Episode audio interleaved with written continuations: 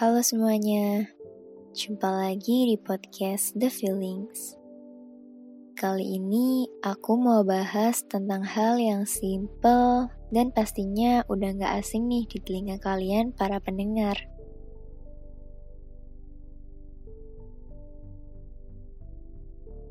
Kalian semua pasti pernah ngerasain yang namanya malu. Semua orang pasti punya satu atau dua hal dalam hidupnya yang membuat dia merasa malu. Dan tentu saja itu manusiawi. Rasa malu yang dimiliki setiap orang itu berbeda-beda dan juga bermacam-macam. Lalu menurutku semuanya itu menarik banget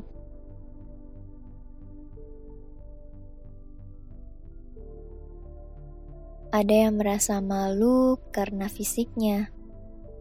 Misalnya, dia merasa gendut, jerawatan, wajahnya kelihatan lebih tua, badannya pendek, atau kurus banget. Terus ada juga nih yang merasa malu karena dia punya family issues. Entah itu orang tuanya yang cerai, orang tuanya selingkuh, gak pernah dinafkahin sama ayahnya, punya ibu tiri, punya ayah tiri, keluarganya gak akur, atau salah satu keluarganya ada yang beda agama.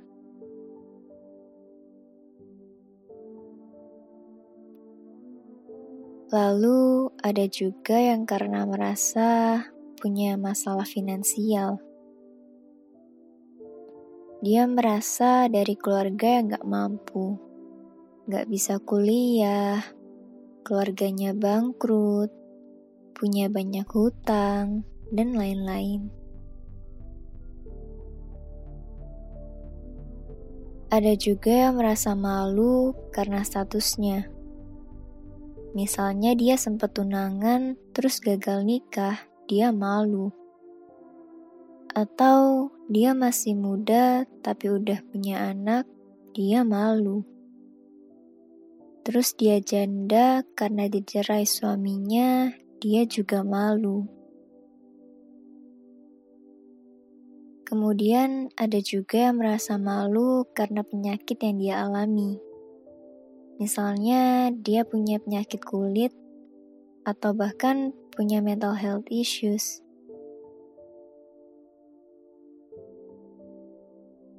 Selain itu, ada juga yang merasa malu karena seksual orientasinya dia, di mana dia bukan heteroseksual misalnya.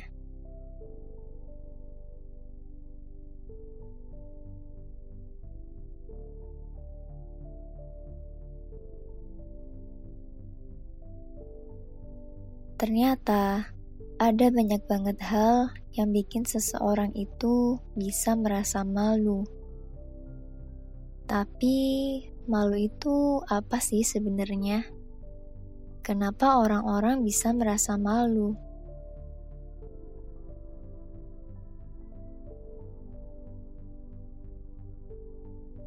Rasa malu adalah suatu perasaan yang bisa hadir saat seseorang merasa gagal. Gagal untuk mencapai suatu ideal state gagal untuk mencapai suatu ekspektasi. Akhirnya, dia merasa kayak akan dicibir oleh orang-orang, merasa dijat sama orang, dan merasa berbeda dari orang kebanyakan.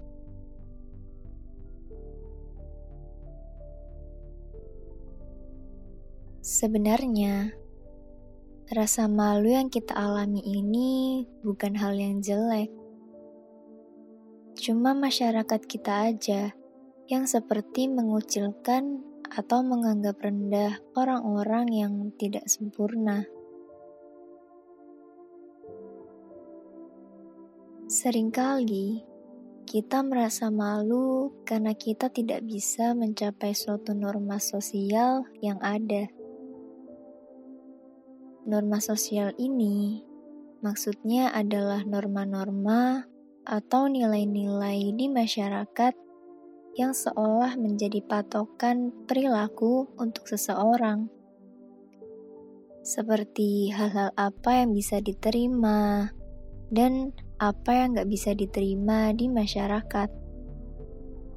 Lalu hal-hal apa yang pantas dan gak pantas untuk dilakukan dan dimiliki di masyarakat.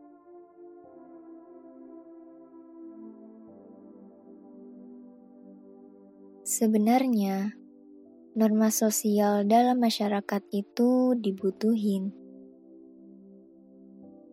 Dalam hidup bermasyarakat, memang diperlukan suatu norma-norma atau nilai-nilai yang menjadi patokan supaya kita bisa memastikan kalau social function atau kemaslahatan bersama itu ada.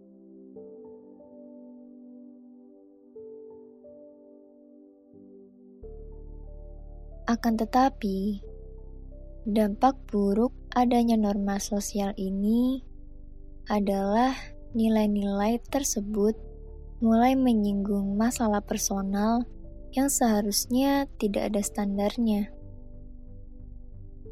Misalnya, ketika ada yang malu karena merasa keluarganya itu tidak ideal. Tapi kan setiap keluarga itu sebenarnya punya drama dan masalahnya masing-masing. Menurutku itu normal. Namun, dalam masyarakat kita, ada suatu standar bahwa keluarga yang ideal adalah keluarga yang terdiri dari satu ayah dan satu ibu yang saling akur, dan juga ada anak-anaknya. Menurutku, itu terlalu polos, karena balik lagi, setiap keluarga itu punya masalahnya masing-masing gak bisa disamakan satu dengan yang lainnya. Hal ini juga berlaku untuk mereka yang merasa malu terhadap masalah finansialnya. Ada yang merasa malu karena harus dagang, atau ayahnya yang cuma kerja sebagai tambal ban. Sedangkan di masyarakat, ada yang bilang kalau pekerjaan yang acceptable atau yang pantas adalah pekerjaan seperti yang ada di korporat. Sebagai pegawai, sebagai PNS, pakai kemeja, berseragam, yang duduknya di desk, pakai komputer, Sekali lagi, menurutku itu polos banget. Karena pada kenyataannya, setiap orang itu berhak untuk melakukan apa pun untuk mensupport dirinya secara finansial.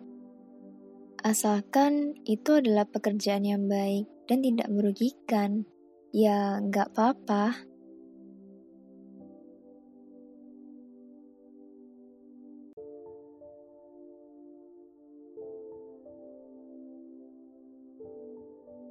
Ada sebuah cerita tentang seorang teman yang ayahnya adalah seorang supir taksi.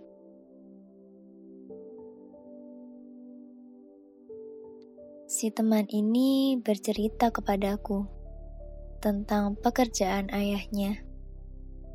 Tapi dia bercerita tanpa suara atau nada bicara yang seperti merasa malu. Dan di sinilah aku merasa sedikit tertegun. Seandainya, seandainya dia bercerita ke orang lain yang tidak begitu mengerti mengenai hal ini, bisa saja dia akan dijudge atau dapat stigma seperti ah, cuma anak supir taksi. Begitu juga dengan penyakit. Dua tahun terakhir ini, kita sedang mengalami pandemi COVID-19. Seharusnya, untuk meminimalisir penyebaran penyakit ini, orang yang terkena virus tersebut harus melapor dan mengatakan bahwa dia terjangkit COVID-19 supaya dapat segera diobati dan diatasi oleh pemerintah setempat. Akan tetapi, masih banyak dijumpai beberapa orang yang justru diam-diam aja saat dia terkena penyakit tersebut. Dia justru tidak mengatakan pada siapa pun hanya karena dia merasa malu dan merasa takut akan dapat stigma atau akan dijauhi oleh orang-orang.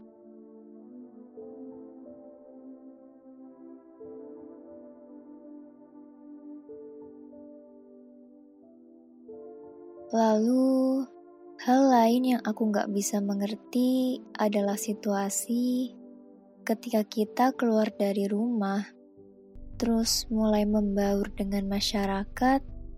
Dalam pikiran kita ini, seolah ada perintah atau instruksi yang bikin kita bertindak seakan-akan hidup kita ini normal, seakan-akan hidup kita ini ideal dan tentunya tanpa masalah. Sehingga saat kita tahu ada orang yang hidupnya tidak ideal, seolah menjadi kebiasaan bahwa kita itu pasti akan mencibir dia. Kita akan ngomongin dia, dan kita akan menganggap dia aneh. Padahal kita juga punya masalah Contohnya si A, dia punya masalah tentang finansialnya. Dan si B punya masalah tentang keluarganya. Tapi, si B ini masih mencibir dan ngomongin si A tentang finansialnya dia. Padahal si B juga punya masalah sendiri, yaitu masalah keluarganya dia. Yang mana mereka sama-sama punya masalah tapi kenapa masih bisa mencibir orang lain?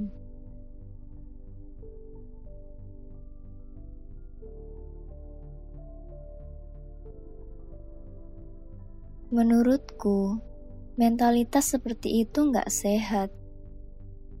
Dengan kita yang terlalu banyak menstigmatisasi sesuatu, terlalu punya mindset sinetron, di mana kehidupan itu harus ideal terutama tentang keluarga, finansial, relationship, gender, atau sebagainya, itu justru akan merugikan kita sendiri.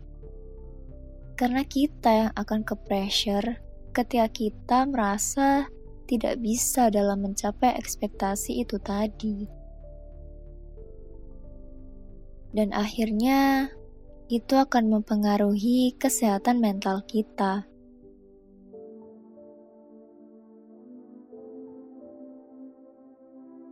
Terkadang memang perlu untuk mengatakan tentang apa yang kita alami kepada orang lain,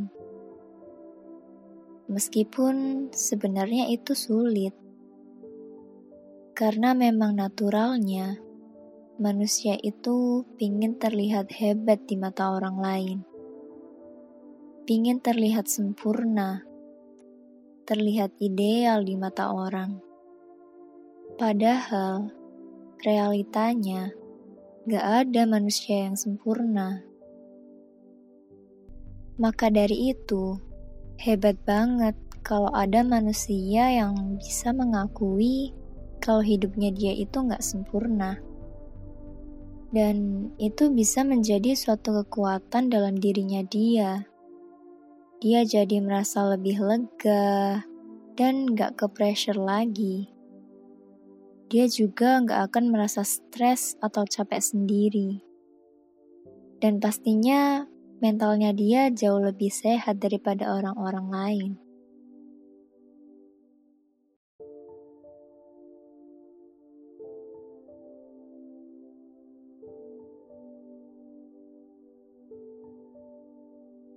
Aku rasa itu aja sih yang perlu aku omongin di podcast kali ini.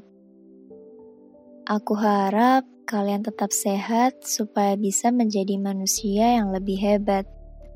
So, episode 3 tentang rasa malu selesai di sini. Sampai ketemu di episode selanjutnya. See you.